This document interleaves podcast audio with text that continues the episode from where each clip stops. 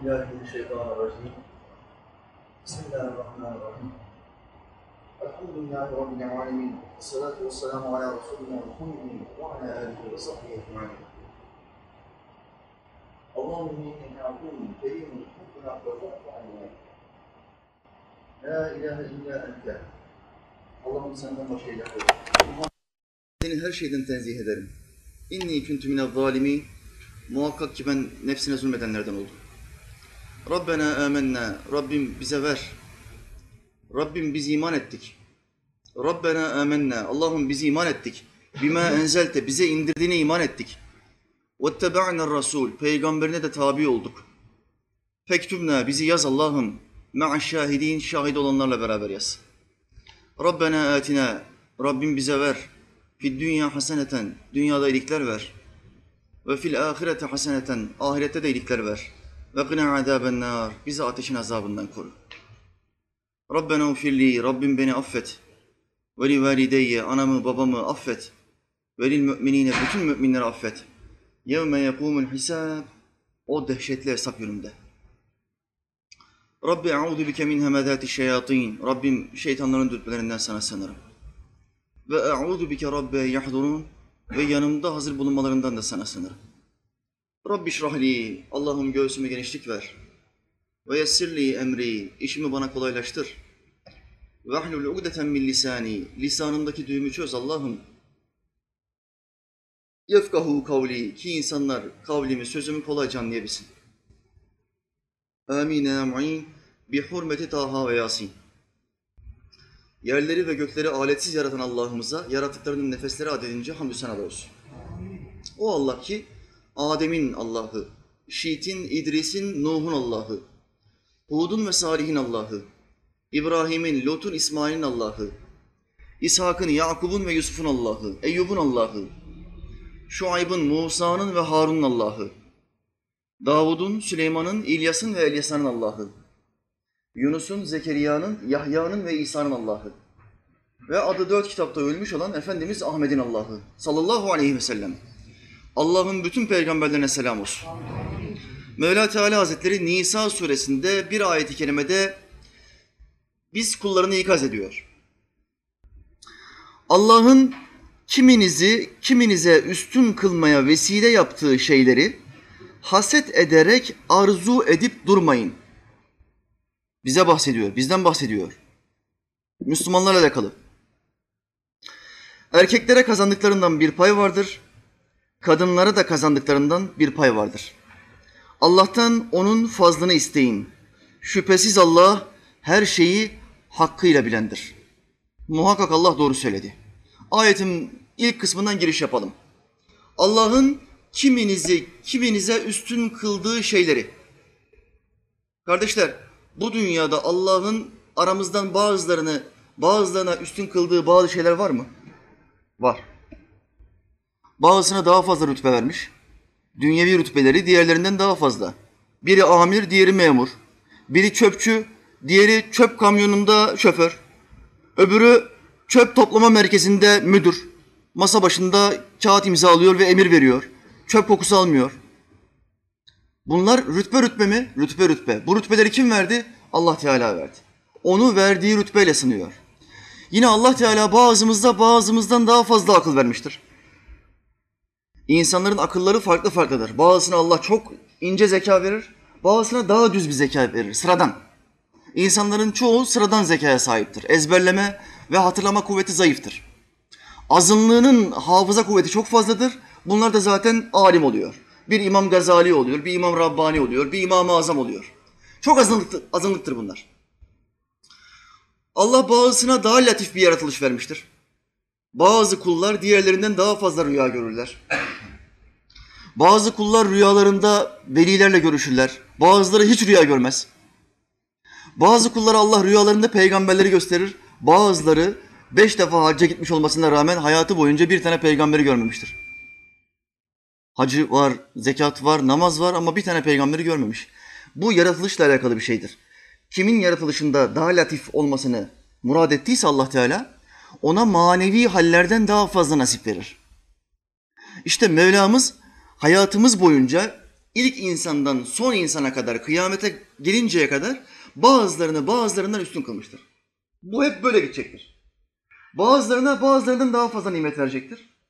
Asla ve kat'a herkese eşit nimet vermeyecektir. Allah'ın sistemi budur. Muhakkak insanları az ve çokla dener. Mesela bir genç kardeşim mesaj gönderdi bana. Ateist olmuş. Ateistlere kardeşim denir mi?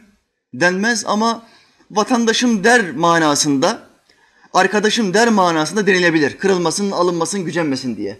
Kalbi İslam'a buğz etmesin diye. Bu kardeş nasıl ateist olduğunu bana anlattı. Ve dedi ki ateist olmama vesile olan soruyu size sormak istiyorum. Hocam birkaç ateizm hakkında sohbetlerinizi seyrettim. Şu soruma lütfen cevap verebilir misiniz? Mesela cevabınızı çok merak ediyorum. Sual şu. Neden Allah bu kadar zenginse dünyadaki insanların tamamını zengin yapmadı? Mantıklı bir soru mu? Makul bir soru. Zenginlerin en zengini değil mi? Vermekle onun bir şeyleri biter mi? Vermekle bir, şey, bir şeyler bitecekse kulların verdikleri biter. Allah'ın verdiği bitmez. Çünkü o yaratmak için çalışmak zorunda değildir. Sadece ol der ve o şeyleri yaratır. Dolayısıyla hiçbir şey bitmez. Allah Teala bir ol deseydi bütün insanların tamamı zengin olabilir miydi? İlk insandan son insana kadar bütün insanlar zengin olarak yaşardı. Ama Allah böyle murad etmedi. Bakın Şura suresinde Mevla Teala diyor ki biz insanların tamamına bol bir rızık verseydik ve onları zengin kılsaydık insanlar azar ve sapıtırlardı. Ayete bak. Neden böyle yapmadığını bize açıklıyor. Açıklamak zorunda değil.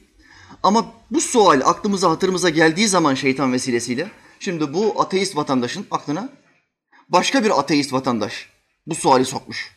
Düşünmüş düşünmüş. Hakikaten ya niye hepimizi zengin yapmıyor? Bak ben de fakirim babam da fakir. Demek ki Allah diye bir şey yok. Bu sonuca varmış. Ve şu anda keyfi bir yaşam sürüyor. Her şeyin serbest olduğu bir yaşam. Peşinden ayet-i kerimenin biraz açıklamasını yaptım. Cevabını verdim. Kardeşime gönderdim. Allah hidayet nasip etsin. Daha bana cevap vermedi. Belki tefekkür halindedir. Belki düşünüyordur. Rabbim için hidayet vermek çok kolaydır. Bizim için mümkün değildir. En fazla istediğimiz insana bile hidayet veremeyiz. Sadece bilgiyi aktarabiliriz. Biz de Allah'ın bize öğrettiklerinden, Resulünün bize tatbik ettiklerinden öğrendiklerimizi aktardık. Takdir Allah'ımızındır. Şimdi kardeşler, insan tabiatında bir durum vardır ki zengin olduğu zaman, mali durumu yerinde olduğu zaman ya da fiziki durumu kuvvetli olduğu zaman ona kibir de beraber gelir. Eğer bir eğitim almıyorsa, bir tasavvufi eğitim almıyorsa, dini bir eğitim almıyorsa ayakları yerden kesilir ve kendisini ikinci kat semada görür. Bütün etrafındaki insanlara tepeden bakar. Ben bodybuilding sporu yapıyorum, her tarafım iri yarıya, mahallemdeki şu adamlara bu cılız çocuktan ne oluyor ya çizgi filmden çıkmış gibi. Kibirlenir, gururlanır. Neden? Spor yapıyor. Allah Teala da az bir çalışmayla beraber öyle bir kas yapısı vermiş ki bu kardeşimize. Kuvvetlenmiş. Müslüman ama kibirli bir Müslüman oluyor. Zengin olanlara bakın. Bir sosyal deneyle bunu size yakınlaştırayım. Yoldan geçen yüz tane zengine sorun. Beş vakit namaz kılıyor musun abi? Yüz tane zengine sorun. Yapın bu sosyal deneyi.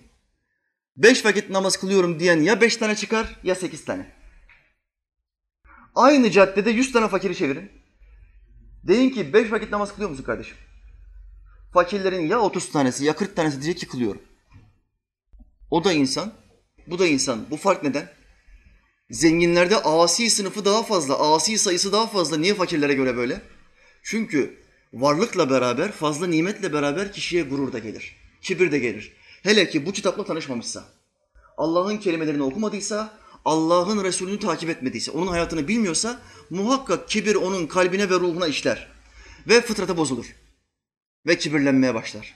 Ben kazandım der, ben yaptım der. Karşılaştığı ve görüştüğü her insana tepeden bakar. Ben ondan daha akıllıyım der. Halbuki zenginlik akılla orantılı bir şey değildir. Zenginlik tamamen Allah vergisi bir şeydir.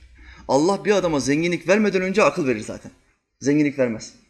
Önce akıl verir, yapması gerektiği planları çok kısa bir dönem içinde ona düşündürür. Devamlı melekler seslenir ona, fısıldar. Bunu böyle yap, bunu böyle yap, bunu böyle yap. Adam da tamam beder, öyle yapar. Yaptığı şey de doğruya çıkar ve zengin olur. Allah bir adamın zenginliğini alacağı zaman önce neyini alır? Aklını alır. Öyle bir kararlar verir, öyle bir hamleler yapar ki bunu ahmak bir adam yapmaz dersin ya. Trilyonluk bir adamı nasıl bu kadar battı ya? Bu iş böyledir kardeşler. Şu halde bizim Allah'tan neyi istememiz lazım? Zenginliği değil. Dünyada da iyilik ver, ahirette de iyilik ver. Allah'tan fazlını isteyeceğiz. Mevla Teala Hazretleri ayetin giriş kısmında diyor ki bazınızı, bazılarınızı bazılarınıza bazı nimetlerle üstün kıldık. Şimdi İslam bizim her şeyimize karışıyor. Öyle ki komşumuzun elindeki arabaya karşı haset etmemize bile müdahale ediyor. Haset edemezsin diyor. Onun elindeki arabayı istersen kendine, o o arabayı kaybetsin, bu arabanın sahibi ben olayım dersen buna muhassit Müslüman denir. Haset eden Müslüman. Allah bunu istemiyor. Başka birisinin malını gasp etmek için hamle yaptığın zaman şeriat bunu yasaklıyor. İmam Razi Hazretleri bu ayetin tefsirinde diyor ki, başka insanların mallarını haksız kazançla, aldatmayla, hilekarlıkla yahut da gaspla, zorlayarak elde etmeyi şeriat bize haram kılmıştır. Tasavvuf ise kalbi olarak onların elindeki nimeti elde etmeyi yasak kılmıştır. Bakın şeriat elimizle, ayağımızla hamle yapmamızı engelliyor. Tasavvuf neyi engelliyor? Kalbimizle o adamın elindeki nimetin ondan gitmesini ve bize gelmesini istememizi engelliyor. Tarikat bunu engelliyor. İmam Rabbani Hazretleri'nin sözünü hatırlayın. Şeriat dilin yalan söylemesini engeller. Tarikat kalbin yalan söylemesini engeller. İkisi aynıdır ama tarikat daha hassastır. Şeriatı derinlemesine yaşayan demektir. Şeriatı derinlemesine yaşamayan bir adam, kalıbın üstünde yaşayan bir adam, arkadaşının arabasını çalmak için hamle yapmaz. İşlerini engel olmak için çomak sokmaz. Ama kalbiyle haset etmekten de geri durmaz. Allah bunu istiyor mu? Cık, istemiyor. İmam Razi Hazretleri Tefsirül Kebir'de diyor ki, bazı alimlere göre etrafındaki bazı kullara Allah'ın verdiği nimetlerin bir mislini kendisine istemek caizdir. Ama muhakkik alimlere göre yani müçtehit alimlere göre, kuvvetli alimlere göre, iki kanadı olan, şeriat ve tarikat kanadı olan alimlere göre bu caiz değildir. Neden? Çünkü o kul o nimetin kendi elinde olmasını isterken o nimet ona faydalı mı olacak, zararlı mı olacak bilmiyor. Mesela şu anda burada iki üç tane arabası olan kardeşlerimiz de var. Üç dört dükkanı olan kardeşlerimiz de var. İki üniversite bitirmiş kardeşlerimiz de var. Bunların hepsi birer nimettir. Ama üç tane arabası olmayan ve bir tane arabası olan esnaf kardeşlerimiz de var. Şimdi bu esnaf kardeşimiz üç arabası olan kişiye haset edebilir mi? Onun aynısından ben de istiyorum. Allah'ım diyebilir mi? Muhakkik alimlerimize göre diyemez. Neden? Üç araban olursa sapıtacak mısın, sapıtmayacak mısın? Biliyor musun? Garanti verebilir misin bana? Benim üç arabam olduğu zaman namazı bırakmayacağım, sohbeti bırakmayacağım, Allah'ı zikretmeyi bırakmayacağım. İlimden geri durmayacağım. Garanti veriyorum hocam. Var mı baba yiğit? Kimse bunun garantisini veremez kardeşim. Yarın başımıza ne geleceğini bilmiyoruz. Resulullah Aleyhisselam ne buyuruyor? Ben bile yarın başıma ne geleceğini bilmiyorum. O bilmiyorsa sen nasıl bildiğini iddia edebilirsin? Şu halde bu mal senin eline geçerse senin faydana mı olacak, zararına mı olacak bilmediğin için ne yapacaksın? Allah'ım ben bu kulun elindeki malın aynısını istemiyorum. Ben benim hakkında hayırlı olan neyse senden onu istiyorum. İşte Müslümanların yapması gereken budur kardeşler. Ayete devam ediyorum. Allah'ın kiminizi kiminize üstün kılmaya vesile yaptığı şeyleri haset ederek arzu edip durmayın. Arzu edip durmayın. İçimize müdahale ediyor burada. Allah Teala diyor ki kalbinden bile olsa arzu etme. Arzunun yeri neresidir? Kalptir, nefstir. Başka birisinde güzel bir nimet gördüğün zaman mahallendeki bir arkadaşının görünüşü, dış yapısı senden daha güzel göründüğü zaman bunu haset etme. Onu da Allah yarattı. Seni de Allah yarattı. Belki Allah ona vermediği başka bir nimeti sana verdi. Belki Allah bundan 10 sene sonra onu çok çirkin yapacak geçirdiği bir kazadan sonra sen çok güzelleşeceksin. Biliyor musun? Bilmiyorsun. O zaman ne yapacaksın? Allah'ım senin bana verdiğin ne varsa muhakkak bu en güzelidir. Kardeşler, zenginlik ve fakirlik Allah'ın verdiği nimetlerden ve sınavlardan birer tanesidir. Asla hiçbir kul ebedi olarak fakir kalmaz. Asla ebedi olarak zengin kalmaz. Bu bir nöbetleşme gibidir. Hep döner durur. Bazen zenginlik olur, bazen fakirlik olur. Baba fakirse oğlu zenginleşir. Oğlu fakirse baba zenginleşir. Muhakkak Allah ailelere ve sülalelere zenginliği ve fakirliği nöbetleştirir, tattırır. Onları her iki şekilde de sınav eder. Peki Allah bizi böyle sınav ederse ve biz de iki gün sonra başımıza ne geleceğini bilmiyorsak, zenginliğin mi bizim için faydalı olacağını, hayırlı olacağını, fakirliğin mi bizim için hayırlı olacağını bilmiyorsak bizim ne yapmamız lazım gelir? Allah'ım ben hakkımı sana teslim ettim. Benim hakkımda hayırlı olan neyse bana onu ver demek lazım gelmez mi? Hangisi lütuf, hangisi kahır? Zenginlik mi lütuf, fakirlik mi lütuf? Ne dersiniz kardeşler? İşte aynı suali sokaktaki yüz tane adama sorun. Kardeş zenginlik mi nimettir, fakirlik mi nimettir diye sorun. Yüz tane adamın yüzü der ki zenginlik nimettir. Fakirlik nimet değildir der. Ama bu iş böyle değildir. Size yaşanmış bir olay anlatayım. Bana gelen yüzlerce mesajı burada anlatamam tabii ki. Aradan çok beni şaşırtan mesajlar olduğu zaman sizinle paylaşıyorum kardeşler. Bir sokakta, bir mahallede iki tane arkadaş. Can, ciğer dost. Arkadaşlardan bir tanesinin manevi duru, maddi durumu gayet iyi. Babası en kaliteli dershanelere gönderiyor. Üniversiteyi kazanıyor. Diğer arkadaşın maddi durumu iyi değil. Okulu bırakmak zorunda kalıyor, ticarete atılıyor, ailesine bakabilsin diye. Üniversiteye giden arkadaş bir şirkete gidiyor ve müdür yardımcısı oluyor birkaç sene içinde. Diğer kardeş de esnaf olarak hayatını devam ettiriyor ve ailesine kıt kanaat bakıyor. Ve ikisi böyle bir yaşam sürüyor. Şimdi sorum şu. Bu müdür yardımcısı olan, ailesi zengin olan kişiye gelen lütuf mudur? Kahır mıdır? Lütuftur diyorsunuz değil mi? Devamını dinleyin. Müdür yardımcısı olan bu adam çalıştığı şirkette tanıştığı bir arkadaşından yogayı öğreniyor. Yoga. Bir adam namaz kılmazsa, bir adam zikir yapmazsa, rabıta yapmazsa, kitap okumazsa, ayet hadis dinlemezse, sohbete gitmezse ne olur? Boşluk oluşur. Hayatında bir boşluk oluşur. Muhakkak bu boşluğu bir şeylerle doldurmak zorundadır. Zikirle, namazla, ilimle doldurmazsan yoga ile doldurursun. Allah'la doldurmazsan içini Buda'yla doldurursun. Bir şeyle doldurmak zorundasın. Tabiat boşluk kabul etmez. Arkadaşım ona dedi ki kardeşim dedi seni dedi biraz düşünceli görüyorum, stresli görüyorum. Bu da şikayet etti devamlı. Çok stresliyim, çok sıkıntılıyım. Üstünde çok yük var. Gel dedi seni yoga hocam var dedi. Yoga üstadı. Bir gidiyorsun. iki seansa 100 TL veriyorsun fakat huzurla doluyorsun. Huzurla doluyorsun. Hiç namaza, niyaza, zikre, oruca falan gerek yok. Yogayı buldum ben, hayatım kurtuldu. Diyor. Bu müdür yardımcısı kardeş de tamam diyor bir deneyelim bakalım. Bir gidiyor. Orada bir oturuyor. Vermişler oradan müziği. Kızlar erkekler yan yana. Parfümler havalarda uçuşuyor. Kızlar yarı çıplak. Adam diyor ki huzur içinde doldum. Huzurla doldum. Diyor ve birkaç ay içinde ne oluyor? Budist oluyor. Budist oluyor.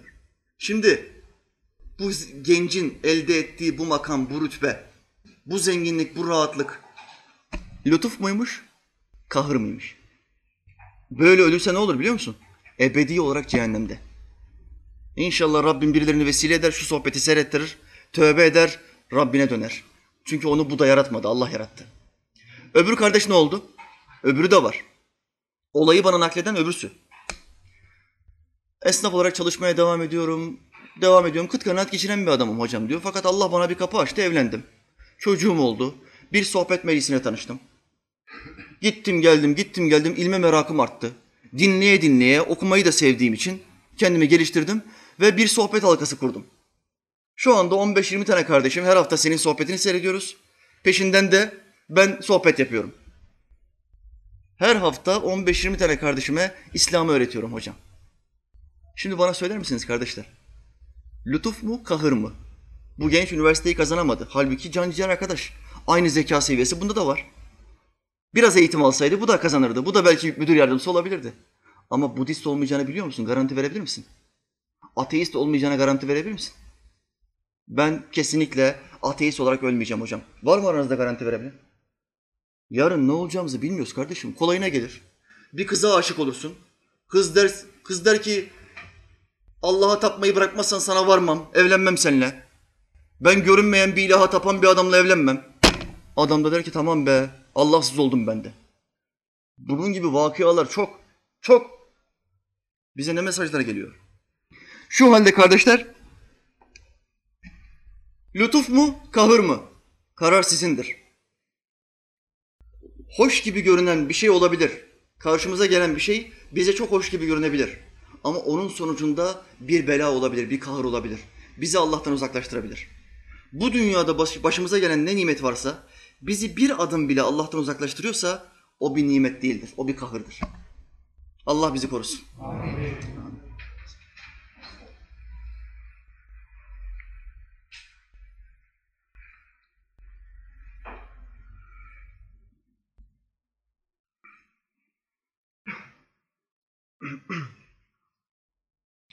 Herkesin peşinde olduğu bir tek şey var bu dünyada. Mutluluk.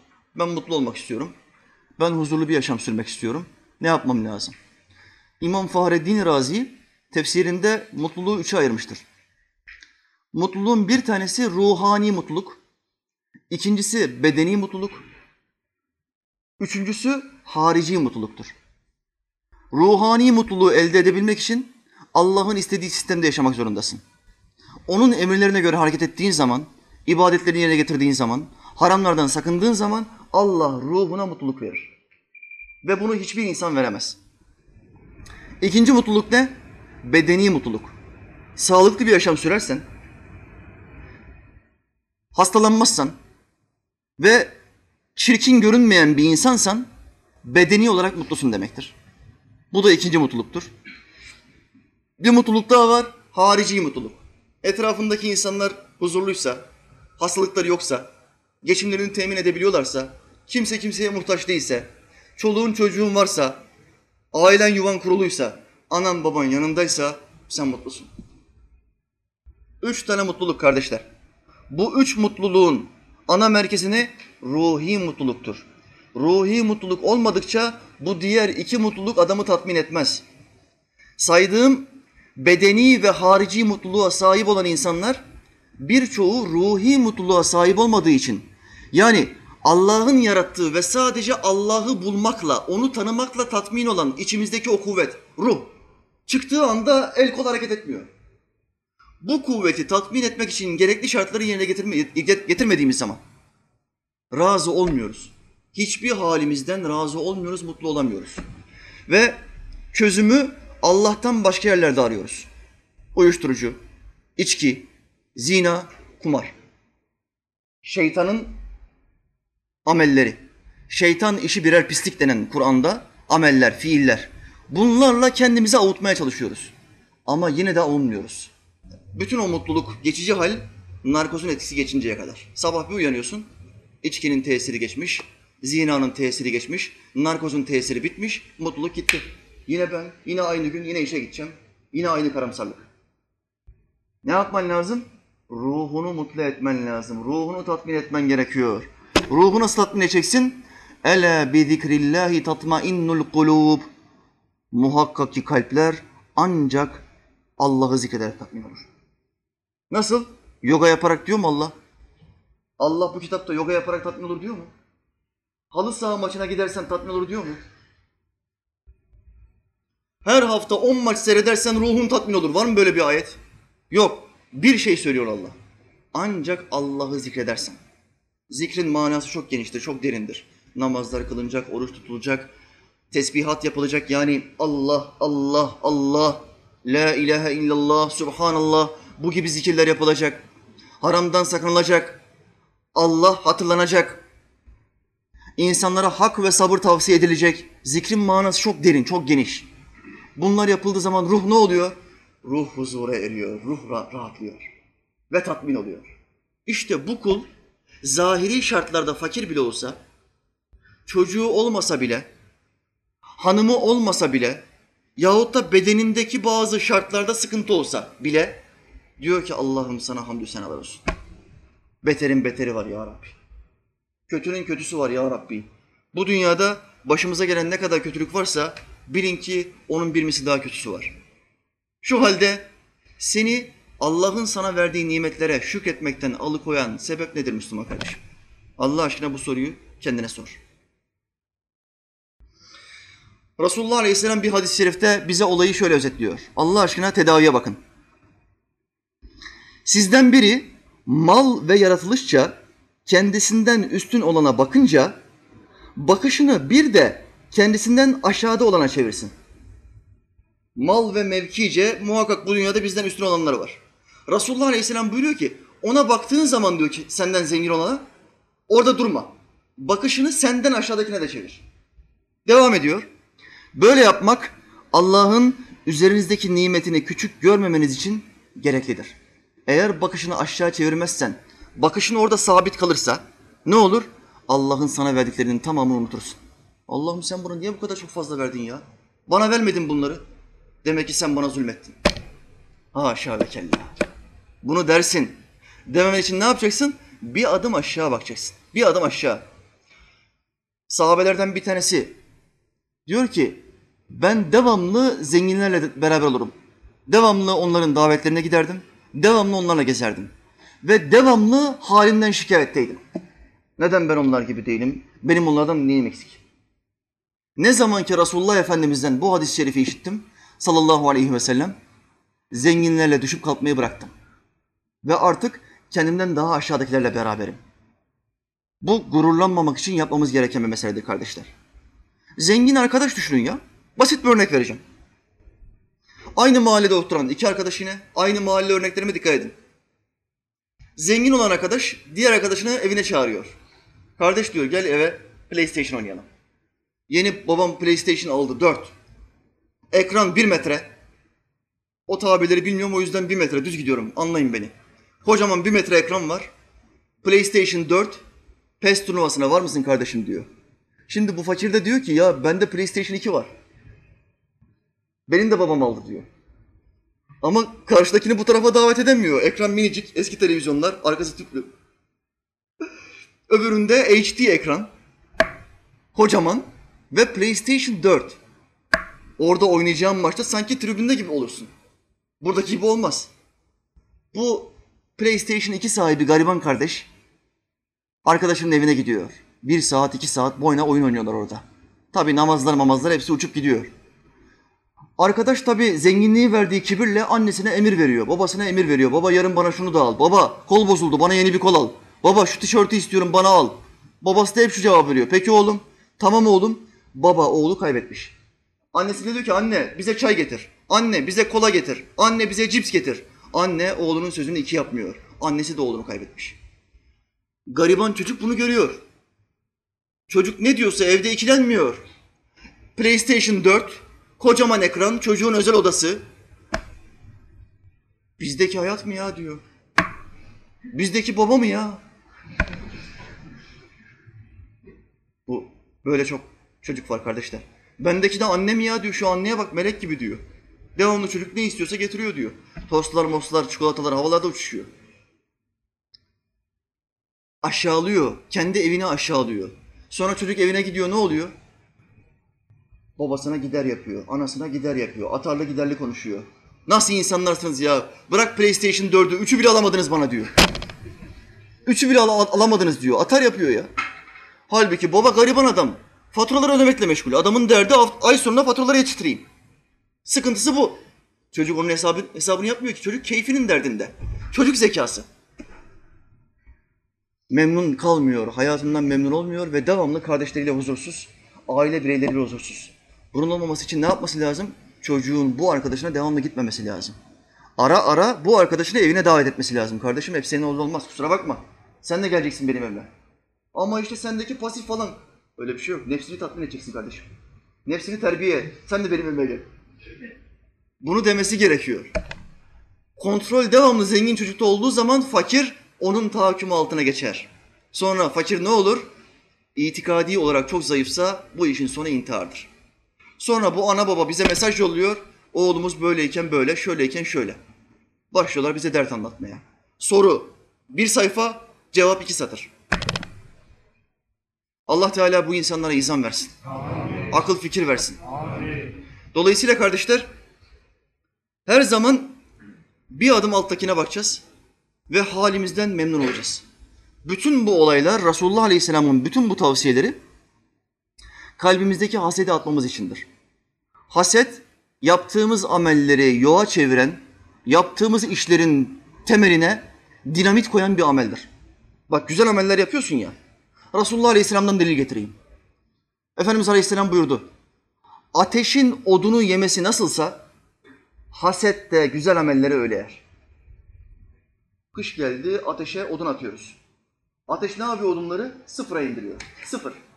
Haset nedir? Çekememezlik. Başkasının elindeki nimetin ondan gitmesini ve kendine gelmesini isteme. Bir kulun kalbinde bu varsa bak İslam nasıl içimize müdahale ediyor. İçime bile karışıyor Allah. İçimizden geçen duygulara bile karışıyor. Şuramıza karışsın, buramıza karışmasın. İşime karışmasın, eşime karışmasın, camime karışsın diyen Müslümanlar. Sahte Müslümanlar. Allah aşkına şu ayetleri bir okuyun ya. Kalbimizden geçen duygulara bile Allah müdahale ediyor. Bunu geçirmeyeceksin kalbinden. Bunu yapmayacaksın diyor. Şu halde kardeşler buna dikkat edeceğiz. Allah Teala Hazretleri Efendimiz Aleyhisselam kutsi hadiste Allah'ımızın söylediği bir sözü bize aktarıyor. Bakın Allah aşkına. Bu beni çok korkutan bir hadisi kutsidir. Her kim benim kaza ve kaderime rıza gösterirse, benim ona verdiğim belalara sabrederse, benim ona verdiğim nimetlere şükrederse, ben onu sıddıklardan yazarım. Bak bak, rütbelerin, Müslümanın rütbesi kaç taneydi? Kur'an ayetiyle anlattım burada. Dört tane. Peygamberlik, sıddıklık, şehitlik, salihlik. Allah ne diyor bu hadis kutsi'de? Eğer benim verdiğim nimetlere şükredecek iki tane şart var. Verdiğim belalara da ağzını bozmayacak. Ben onu neyden yazarım? Sıddıklardan yazarım. Rütbe nereye gitti? İkiye çıktı. Eğer sözümüzü tutarsak hayatımızın sonuna kadar Allah'ın incineceği bir kelime söylemezsek. Onu sıddıklardan yazarım, mahşer günü de sıddıklarla beraber haşrederim. Ama her kim ki kader ve kazama rıza göstermezse, verdiğim belalara sabretmezse, verdiğim nimetlere şükretmezse, gitsin kendine benden başka bir raf arasın. İşte bu söz, hadisi yıllar önce ilk okuduğumda beynime şimşek gibi çakmıştı. Gitsin kendine benden başka bir raf arasın. Allah'tan başka bir raf var mı kardeşler? Yok. Nereye gideceğiz? hadisin başka bir versiyonunda benden başka bir Rab arasın, başka bir cihanda yaşasın. Başka bir dünyada yaşasın. Dünyadan başka bir dünya var mı? Ayda bile yaşayamıyoruz. Teknik o, kadar ilerledi. Ancak gidiyorlar bir iki hafta kalıp gelebiliyorlar. Güya tekniğimiz çok ilerlemiş. Yaşayamıyorsun orada. Nerede yaşayacaksın? Madem Allah'ın Rabbin olduğunu kabul etmiyorsan, madem başına gelen ufak sıkıntılarda ağzını bozuyorsan, nasıl oldu bu ya yine mi beni buldu diyebiliyorsan, bu utanmazlığı yapabiliyorsan, o zaman git kendine başka bir Rab ara. Başka bir Rab olmadığı için biz ne yapacağız kardeşler? Allah'ım başıma gelen bütün nimetler senden, başıma gelen bütün sınavlar, bütün musibetler senden. Ben her şeyi senden bildim. Sen bana sabır ve dayanma gücü ver. Amin. İşte Müslüman böyle der kardeşler.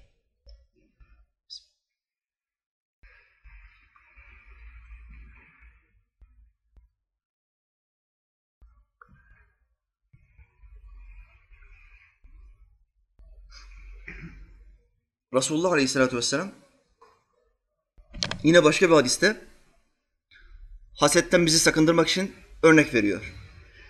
Bir kimse din kardeşinin talip olduğu kıza talip olmasın. Ne demek bu? Bir Müslüman kardeşin gitti bir kıza evlenme teklif etti. Ailelere görüştü, sözü taktılar. Söz yüzünü taktılar. Ama senin de o kızda gönlün vardı. Niyetin vardı, ailene söyleyecektin, gidecekler de o kızı isteyecekti. Resulullah Aleyhisselam ne buyuruyor? Başka birisi o kıza talip oldu mu? Oldu. Karşı taraftaki aile kızı bu tarafa verdi mi? Verdi. İş bitti.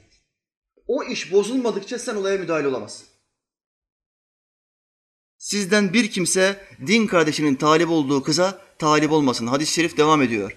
Din kardeşinin pazarlığı üzerine pazarlık yapmasın. Çantacısın, dükkanında duruyorsun. Adam geldi. Şu çantaların 200 tanesini bana ver dedi. Elini uzattı, sen de elini uzattın. Ödemesini yaptı. Malı sattın mı? Sattın. Başka birisi geldi dedi ki onun verdiği fiyat kaç lira? Çanta başı 10 TL. Ben sana çanta başı 13 TL veriyorum. Adam orada yok. Adam gitti. Şimdi Allah'tan korkan bir Müslüman ne yapar burada? Pazarlık yapıldı. Anlaşma yapıldı. iş bitti. Kardeşim sen bu malı bana ver. İki gün sonra tekrar atölyenden, atölyenden çıkacak. Aynı çanta. Ver ona gönder. Hayır. Ben bu mal üzerine pazarlık yaptım. Bu mal o adama acilen gidecek. Hemen bugün ya da yarın yollayacağım. İki gün sonrayı bekletemem. Diyecek. Müslüman böyle yapar. Hadis-i şerifteki pazarlık üzerine pazarlık yapmayınız. Bunu anlatıyor. Üçüncü şart ne Resulullah Aleyhisselam'ın? Siz, sizden hiçbir kadın kız kardeşinin kocasından boşanmasını istemesin. Kendisi onunla evlenecek diye. Şimdi iki tane kız kardeşi var. Abla bir adamla evlenmiş. Adam çok düzgün bir adam. Kız kardeş de ablasının boşanmasını istiyor. Şunların arası bir bozulsa da ablam boşansa bu adamla ben evlensem. Çünkü İslamiyet'e göre iki kız kardeşi aynı anda nikahlamak Kur'an'la haram kılınmıştır. Bazı kızlar, bazı kadınlar ne yapıyor? Ablası boşansın diye kocasından büyü yaptırıyor. Cincilere, büyücülere, düğümcülere gidiyorlar. Aralarına cin soksun, nifak çıkartsın, anlaşmazlık ortaya çıksın, ablası ondan boşansın diye. Resulullah Aleyhisselatü Vesselam hasetten sakındırmak için, düşmanlıktan bizi uzak tutmak için üç tane mesele anlatıyor. Bu üç meseleyi yerine getirebilirsek, bu sakıncalardan uzak durursak kalbimiz kirlenmez, ruhumuz kirlenmez, fıtratımıza aykırı hareket etmemiş oluruz. Efendimiz Aleyhisselam buyurdu. Adem oğlu için iki vadi dolusu malı olsa onun gözü doymaz. İki vadi dolusu. Mümkün mü böyle bir şey? Allah Teala geçmişte birçok insana bu zenginliği vermiştir. Karun, Nemrut, Firavun bunun örnekleridir. Vadiler dolusu paraları vardı. Doydular mı? Kur'an'la sabit. Doymadılar. Allah Resulü Aleyhisselam bizi bize anlatıyor. Senin diyor, bu kadar koşturuyorsun ediyorsun ya, iki vadi dolusu paran olsa senin gözünü bu doyurmaz. Ne doyurur? Gözünü ne doyurur? Bir avuç toprak doyurur. Adem oğlunun iç boşluğunu ancak toprak doyurur. Toprağa girdiği anda o der ki tamam tatmin oldum, doydum. Artık paraya ihtiyacım yok. Toprağa girmiş artık çünkü. Dolayısıyla toprağa girmeden önce de bu bilgiyi elde edersen ve buna böyle iman edersen çok fazla koşturmamak zorunda kal. Koşturmak zorunda kalmazsın. Kendini ibadetlerini terk edinceye kadar dünyanın peşinde koştururken bulmazsın. Şu anda çalışan insanlarımızın büyük çoğunluğu namaz kılmıyor. Bunun sebebi ne? Çünkü haddi aşmışlar. Haddi aşmışlar. O kadar fazla dünya işlerine kendilerini kaptırmışlar ki ibadete vakit bulamıyorlar. Ve kibirleniyorlar. Kazandıkça güçleniyorlar, güçlendikçe palazlanıyorlar ve kibirleniyorlar. Etrafla, etraflarındaki insanlara caka satıyorlar. Üsküdar eşrafından bir zengin meclisine beldeselin insanlarını davet ediyor. Diyor ki bu sene şurada bir dükkanım var. Yanındaki dükkanı da satın almayı düşünüyorum. Dükkanları ikiye çıkartacağım. Gelenlerden bir derviş şöyle diyor. Eğer Ahmet seni çağırmazsa. İnsanlar duruyor, duraksıyor. Ne demek bu? Ahmet seni çağırmazsa. Zengin devam ediyor. 200 tane büyükbaş hayvanım var. Bu sene 400'e çıkartmayı planlıyorum. Derviş şöyle diyor. Eğer Ahmet seni çağırmazsa. Şunun şuyum var. Bunu böyle yapmayı planlıyorum. Dört çocuğum var. Niyetim sekiz tane sahip olmak. Derviş diyor ki eğer Ahmet seni çağırmazsa. Adam en sonunda canına tak ediyor. Diyor ki kardeşim ne diyorsun sen ya? Ne demek Ahmet? Ahmet kimdir ya diyor. Karaca Ahmet abi diyor. Karaca Ahmet. Herkesin planları var. Herkesin bazı hesapları var. Fakirler zengin olma planında. Zenginler daha fazla zengin olma planında. Bisikleti olan Şahin araba satın alma planında. Cakalı yapacak Şahinleri. Sokaklardaki Şahinleri biliyor musunuz? Cakalı Şahinler böyle. Her tarafında yazılar yazıyor. Çirkin bir çirkin bir araba. Bir de bir laf bulmuşlar arkasına yazıyor. Doğan görünümlü Şahin. Jantlar falan koymuş. Ya tenekeyi parlatsan da bu teneke ya hiçbir şey değişmez yani. İstediğin kadar masraf yap. Camları değiştirmiş, simsiyah camlar falan koymuş. İçine tesisatı koymuş, tıp tıs tıp tıs çalıyor. Bütün sokaklardan geçiyor içindeki 3-4 serseri tipli insanlar. Şahin almış. Şimdi bu Şahin'deki gençler sor. Araban nasıl? Ya daha iyi bir araba peşindeyim. Bir tane daha üst kalite bir arabam olsa, araba markaları konusunda iyi değilim kardeşler. İdare edin. Bir üst kalite arabam olsa daha iyi olur diyor. O daha üst kalite bir araba istiyor. Ferrari'si olan bir adam ne diyor? Bana diyor bir helikopter lazım. Bak tatmin değil ha. Adamın Ferrari'si var ya. Çok daha süratli, çok daha kaliteli bir araba. Ve çok konforlu. O arabanın içinde terlemek ya da üşümek diye bir şey söz konusu olamaz. Ama trafikten de kaçamazsın. Çünkü bildiğin üzere şu anda Ferrari'ler uçamıyor. Dolayısıyla bu zengin ne istiyor? Ya bir tane helikopter almam lazım. Biraz daha iyi çalışayım. Bu sene kazancım iyi olursa trafik derdi benim için bitecek diyor. Helikopterin peşinde koşturuyor. Hiç kimse tatmin olmuyor. Hiç kimse hiçbir şeyden tatmin olmuyor. Bir tane adam şunu söyleyemiyor. Allah'ım sana şükürler olsun bana bu kadar güzel nimetler verdin. Hastalık ve sağlık da bunun gibi. Sağlıkta olduğumuz müddet içinde hiç sağlığımız için şükretmiyoruz. Basit bir sual sorayım. Aranızdan kaç kişi en son sadece sağlıkta olduğu için şükür secdesi yaptı? Hayatı boyunca 20 yaşında, 30 yaşında, 40 yaşında aranızda bir sürü insan var. Hayatınız boyunca sadece sağlıklı olduğunuz için. Hayatımızın büyük çoğunluğunu sağlıklı geçiririz. Hastalık dönemleri çok azdır. Allah'ın sınavı böyledir. Kaç defa şükür secdesi yaptın? Bak namaz falan demiyorum ha. Efendimiz Aleyhisselam Allah'a çok şükretmek istediği zaman şükür secdesi yapardı. Ve secdede çok fazla kalırdı, uzun kalırdı. Kaç kişi yaptı? Yok. Yok. Bu unutulan sünnetlerden bir tanesidir. Maalesef Efendimiz Aleyhisselam'dan çok fazla koptuğumuz için şükür secdesini unuttuk. Geçen hafta salı akşamı bir kardeşime ziyarete gittim. Kardeşim bir yıl kadar önce bir kaza geçirmiş. Bir motor seyahati yaparken çok süratli giden bir araba buna vuruyor. Motorun üstündeki iki tane genç uçuyor motordan. Bu kardeş de kaskıda olmadığı için direkt kaldırımın köşesine, tam yüzünün üstüne, kaldırımın köşesine kafasını vuruyor. Birkaç gün, birkaç hafta komada kalıyor. Suratı paramparça, beyni paramparça, birkaç ameliyat geçiriyor. Hamdolsun şu anda durumu gayet iyi fakat kalıcı bir hasar gözleri görmüyor. Durumu bize bildirdikleri için ben kardeşime gideyim dedim biraz nasihat vereyim, moral vereyim, dua edeyim. İnşallah duasını alırım. Hastanın duası çok geçer. Ben ona nasihat vermeye gittim. Kardeşim bana nasihat vermeye başladı. Hocam dedi. Bizden çok daha kötü durumda olan insanlar var dedi. Ben dedi iki defa hastanede menenjit geçirdim. Beynim sıvı salgılamış iki defa. Doktor bana bunu söyledi. Menenjit demek yüzde yetmiş, yüzde seksen felç olma ihtimali demektir. İki menenjit atlattım. İkisinden bir tanesi muhakkak beni felç bırakmak zorundaydı. Ama Allah teğet geçirdi.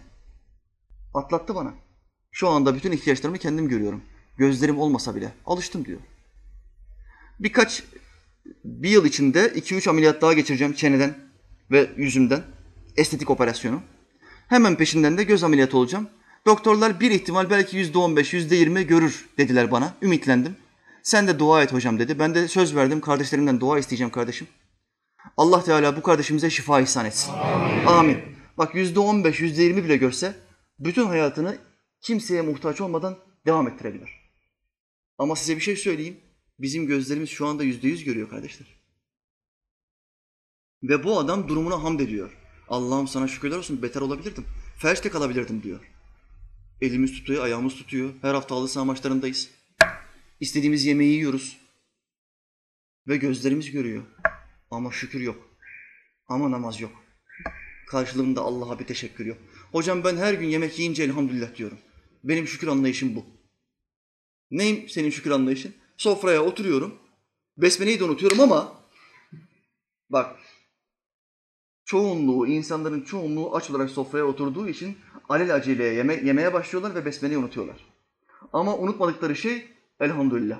Namazın sonun, e, yemeğin sonunda elhamdülillah demeyi unutmuyorlar. Yemeğin sonunda hocam ben şükrediyorum. Tamam namaz kılmadığıma bakma ama ben şükrediyorum diyor.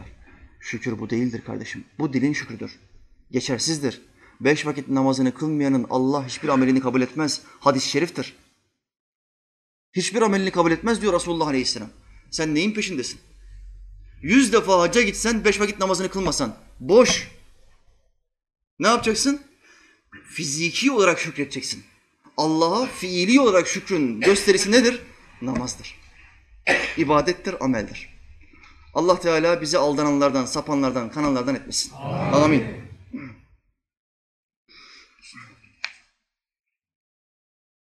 Dervişin bir tanesi Şems Tebrizi Hazretleri anlatıyor. Bak, derviş nasıl olması gerekiyor? Çok midesi rahatsızlandı. Acı içinde kıvranırken derviş kardeşleri tuttular bunun koluna girdiler, götürdüler tabibe. Tabibe getirdiler, yatırdılar. Tabip dedi ki kardeşim şikayetin nedir? Şimdi doktorlara gittiğin zaman ilk kelime ne? Şikayetin ne?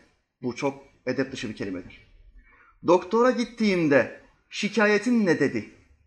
Emanetçi birine ticaretin ne dedi?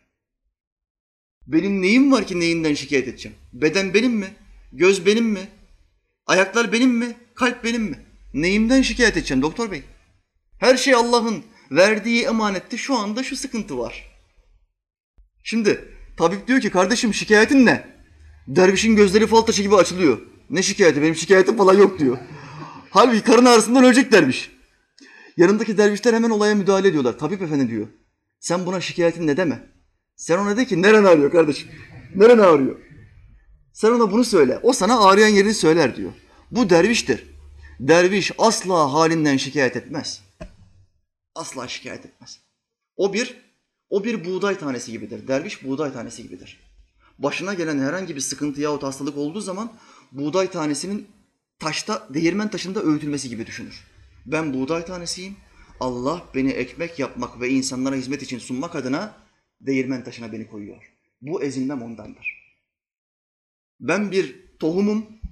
Allah benden bir ağaç çıkartmak için, bir portakal ağacı çıkartmak için beni toprağın altına gömüyor. Bu sıkıntılarım ondandır.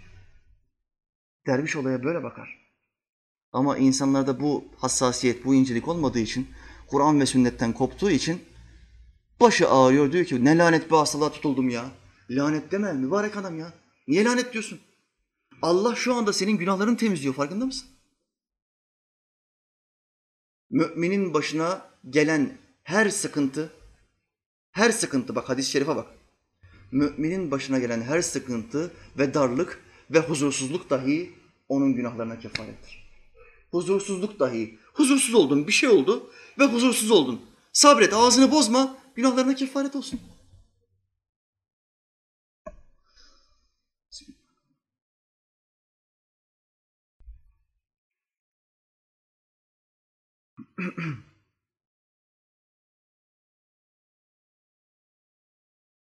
Ayet devam ediyor. Erkeklere kazandıklarından bir pay vardır. Kadınlara da kazandıklarından bir pay vardır. Ee, İmam Razi Hazretleri sebebin nüzulü anlatırken, ayetin neden indiğini anlatırken diyor ki Ümmü Seleme anamız, Efendimiz Aleyhisselam'ın han, hanımı Resulullah'a geldi. Dedi ki ey Allah'ın Resulü erkekler cihada gidiyor. Hiçbir amel cihadın sevabıyla eşdeğer değil. E, erkekler cihat yaptığı için ve imamet onlarda olduğu için, imamlık yaptıkları için onlara mirastan iki tane pay var. Bize mirastan tek pay var. Keşke biz de erkek olsaydık. Ümmü Seleme anamız Efendimiz Aleyhisselam'a söylüyor. Şimdi İslam'dan önce müşrik Arapları kadınlara mirastan pay vermezdi, çocuklara mirastan pay vermezdi. Miras yok. Hep sahip olan adamındır. Kadınlar bir hiçtir, değersizdir. Asla mirastan pay al- alamazlar. Ama Allah Kur'an'la beraber ne dedi? Mirastan erkek çocuğuna iki pay, kız çocuğuna bir pay vardır. Şimdi Ümmü Seleme Hanımız ne buyuruyor? Biz de keşke erkek olsaydık. Hem iki pay alırdık hem de cihada gelirdik, savaşırdık. Daha kuvvetli olurduk fiziki olarak. En büyük sevapları biz kazandık diyor. Resulullah Aleyhisselam buyuruyor ki hayır sen böyle deme. Allah buyurdu ki erkeklere kazandıklarından bir pay vardır, kadınlara kazandıklarından bir pay vardır. Hamile olan bir kadın düşün diyor Efendimiz Aleyhisselam. Bir kadın hamile kaldığı andan itibaren bir erkeğin tüm gün boyunca kıldığı namazların ve oruçların sevabını. Kadın hamile mi? Hamile. Saniye be saniye namaz kılmış, zikir yapmış, oruç tutmuş sevabı alıyor. Hadis-i şeriftir. Kadın çocuğunu doğduktan sonra çocuğunu her emzirdiğinde çocuğunu her emzirdiğinde bir dağ büyüklüğünde sadaka vermiş sevap alır. Bir emzik ya, bir süt damlası. Çocuğuna verdiği her süt damlasında bir can diriltmenin sevabını alır. Hadisin devamı. Can diriltmek ne demektir kardeşler? Allah Teala ayet-i kerimede buyuruyor ki bir bir insanı ölümden döndürmek, bir canı kurtarmak, bütün insanlığı kurtarmak gibidir.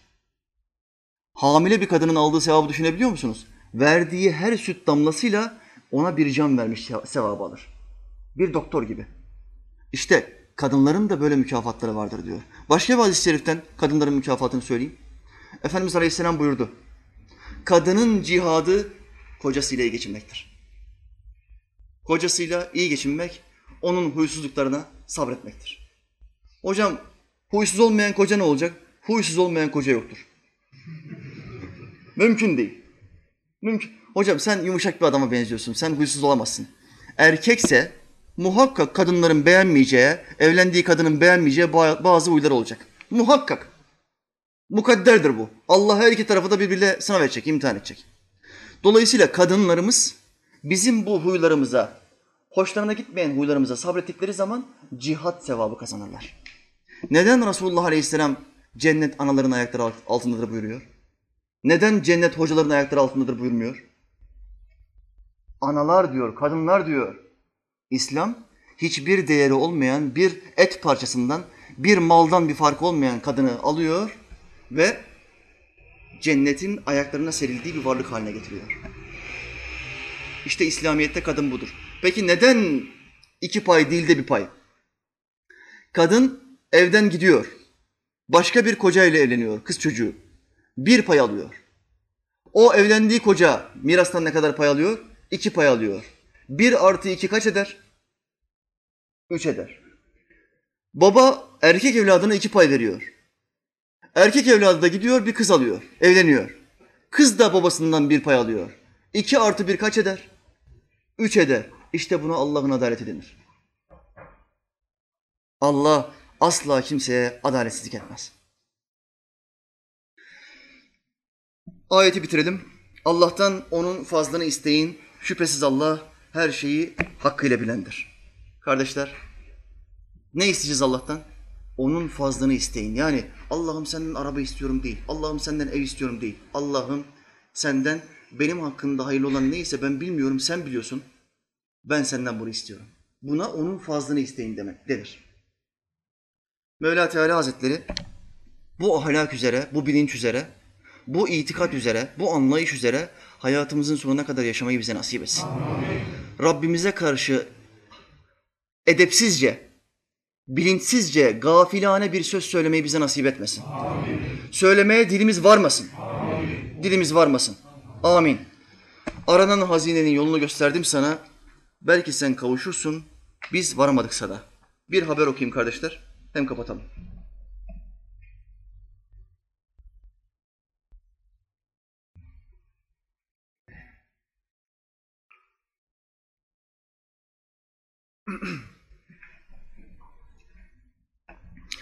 İtalya'da Katolik Kilisesi içindeki pedofili vakalarını gösteren bir harita yayınlandı. 10 yılda yapılan şikayetler. Taciz kurbanları tarafından kurulan ve pedofili vakalarının yargıya taşınması için mücadele eden Labuzo Taciz isimli dernek tarafından hazırlanan harita İtalya'da son 10 yılda yapılan şikayetleri ve bunların sonuçlarını gösteriyor. İtalya nerenin merkezi? Vatikan. Roma Roma İtalya içinde farklı bir ülke gibidir. Vatikan. Bu ülkenin lideri kim? Papa. Kutsal bir. Kutsal bir adam gibi görülür. Günahsız. Seçime kadar günah işleyebilir.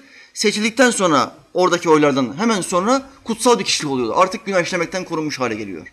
Böyle bir saçma sistem. İtalya içinde kilisenin en kuvvetli olduğu yer, papazların en kuvvetli olduğu yer, papazların en iyi eğitim aldığı yer. İçinde bir harita yayınlandı. Taciz isimli bu dernek tarafından. Harita neyi gösteriyor? İtalya içinde ne kadar pedofili vakası olmuş. Yani çocuklara cinsel istismarda bulunan erkekler.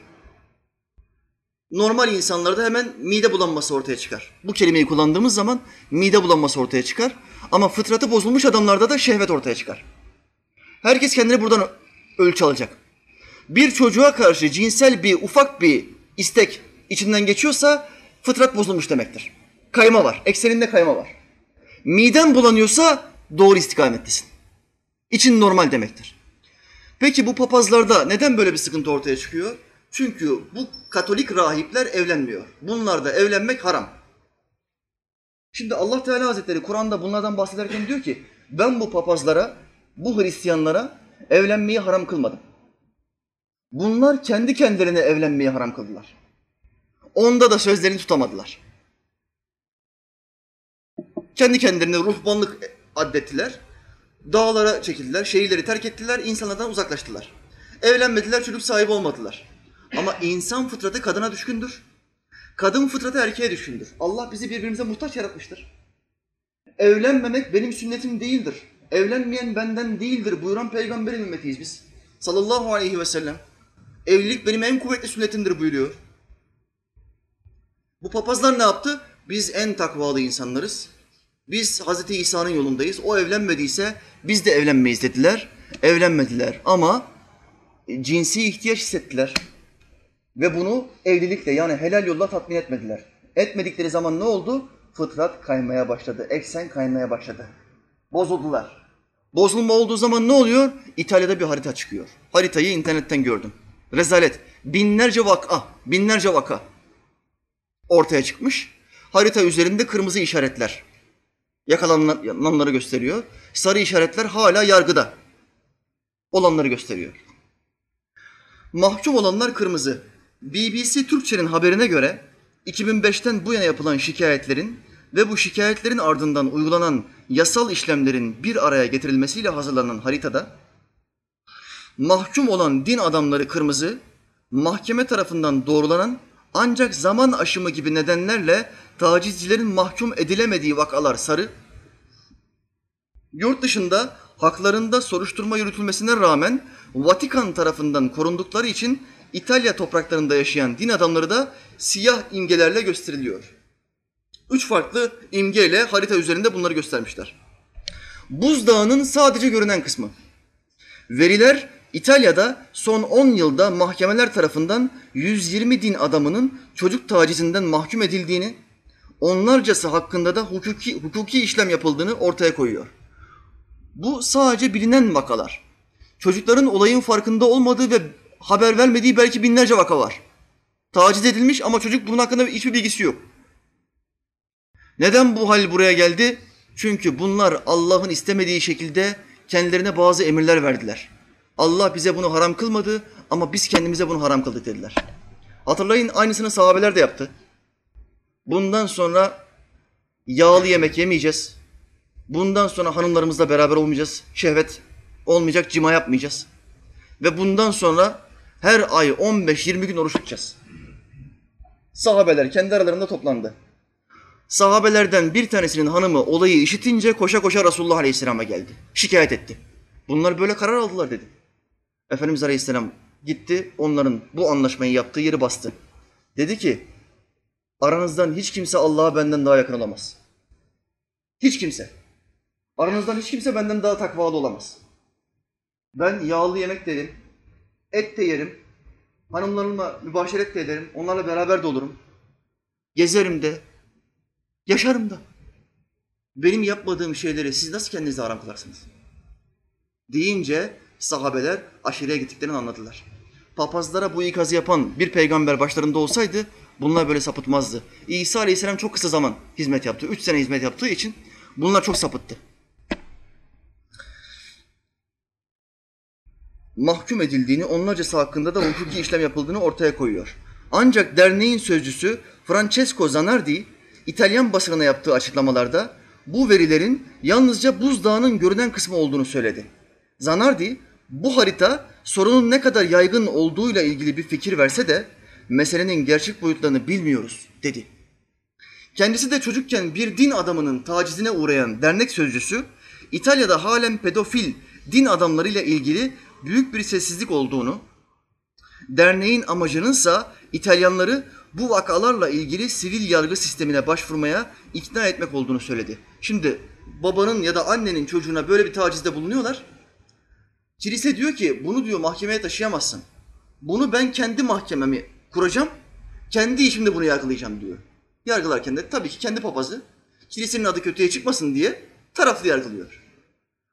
Dernek sözcüsü diyor ki bunu diyor devlet yargılasın. Bağımlı bir yargıdan yargılanmasın diyor. Devlet yargılarsa diyor neyin ne olduğu ortaya çıkar. Katolik kilisesinde taciz vakaları. ABD'deki Katolik kilisesi içindeki taciz vakalarının ortaya çıkarılış hikayesini anlatan Spotlight filminin en iyi film Oscar'ı kazanması ve Vatikan'da Ekonomi Bakanlığı'na eşdeğer bir pozisyonda bulunan Kardinal George Pell'in Avustralya'daki taciz vakalarını soruşturan bir komisyona ifade vermesi, Katolik Kilisesi'nin nüfus sahibi olduğu İtalya'da pedofil din adamları konusunu gündemin ilk sıralarına taşıdı.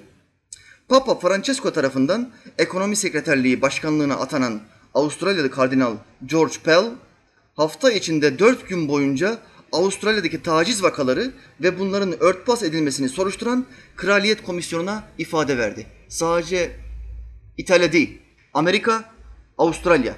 Dünyanın neresinde evlenmeyen adam varsa, neresinde fıtratıyla oynuyor demektir. Tıpkı kim gibi? Eşcinseller gibi. Bakın bunlar da niye eşcinsel oldu? Fıtratlarıyla oynadılar. Kadınlarla beraber olmak yerine, evlenmek ve namuslarını korumak yerine erkek erkeğe beraber oldular. Yakınlaştılar, gülüştüler, sarıldılar, sürtündüler ve şehvetleri arttı. Erkeğe karşı şehvetleri arttı. Kadınlar da aynı şekilde. Kız kıza oturdular, gülüştüler, eğlendiler. Şehvetleri birbirlerine karşı arttı. Ve evlenmeme ihtiyacı hissettiler. Bunlar ülkemizde her sene yürüyüş yapıyorlar biliyorsunuz. Eşcinselliğin özgür olduğu bir dünya istiyoruz. Herkes, hepiniz eşcinsel olun. Özgürlük istiyoruz. Öbür tarafta sana fena bir özgürlük gösterecekler. Merak etme. Çok özgür olacaksın orada. Çok özgür olacaksın. Kendi sapkınlıklarınızı bu millete dayatmaya çalışmayın. Yapmayın. Kendi evinizde ne sapkınlık yapıyorsanız yapın. Fıtratınız bozulmuş ama fıtratı bozulmamış normal insanların fıtratını bozmaya çalışmayın. Çünkü siz normal değilsiniz, siz anormalsiniz. Normal olanlar milyarlardır. Labuzo sözcüsü Zanardi de Kardinal Pell hakkındaki soruşturmadan ve Spotlight filminin başarısından memnuniyet, memnuniyet duyuyorum. Çünkü İtalyan medyasının bu konuyu daha fazla işlemesini sağladılar. Ama hala yapılacak çok şey var dedi. Zanardi, Vatikan'a pedofiliyle suçlanan din adamlarının sivil yargıya teslim edilmesini zorunlu hale getirmesi çağrısını da yaptı. Vatikan'a diyor ki bunları sivil yargıya verin. Bunu zorunlu hale getirin. Bu şekilde bu olayı çözemeyiz. Devamlı adamlarını koruyorsun. E bu adam taciz yaptı bugün çocuğa. Yarın yakalanmadı. Bir daha yapacak. Adamın fıtratı bozulmuş artık. Fıtrat bozulduğu zaman eksen kaydı, tekerlek döndü artık. Bu adamın acil tedavi olması gerekiyor. Allah Teala Hazretleri bizi bu sapkınlardan etmesin. Peygamberlerinin yolunu terk ettiler ve yeni bir yol türettiler. İslamiyet içinde de reformist, modernist, sapkın hocalar aynı sistemi benimseyip Hristiyanlaştırmak istiyor. Peygamberimizin yolunu bırakıp yeni bir din türetmek istiyorlar. Şu ana kadar başarılı olamadılar. Allah'ın izniyle kıyamete kadar başarılı olamayacaklar. Allah Teala burunlarını yerde sürtsün. Amin. Amin. Esselatu vesselamu aleyke ya Resulallah. Esselatu vesselamu aleyke ya Habiballah. Esselatu vesselamu aleyke ya seyyidel evvelin vel ahirin. Velhamdülillahi Rabbil alemin. El Fatiha.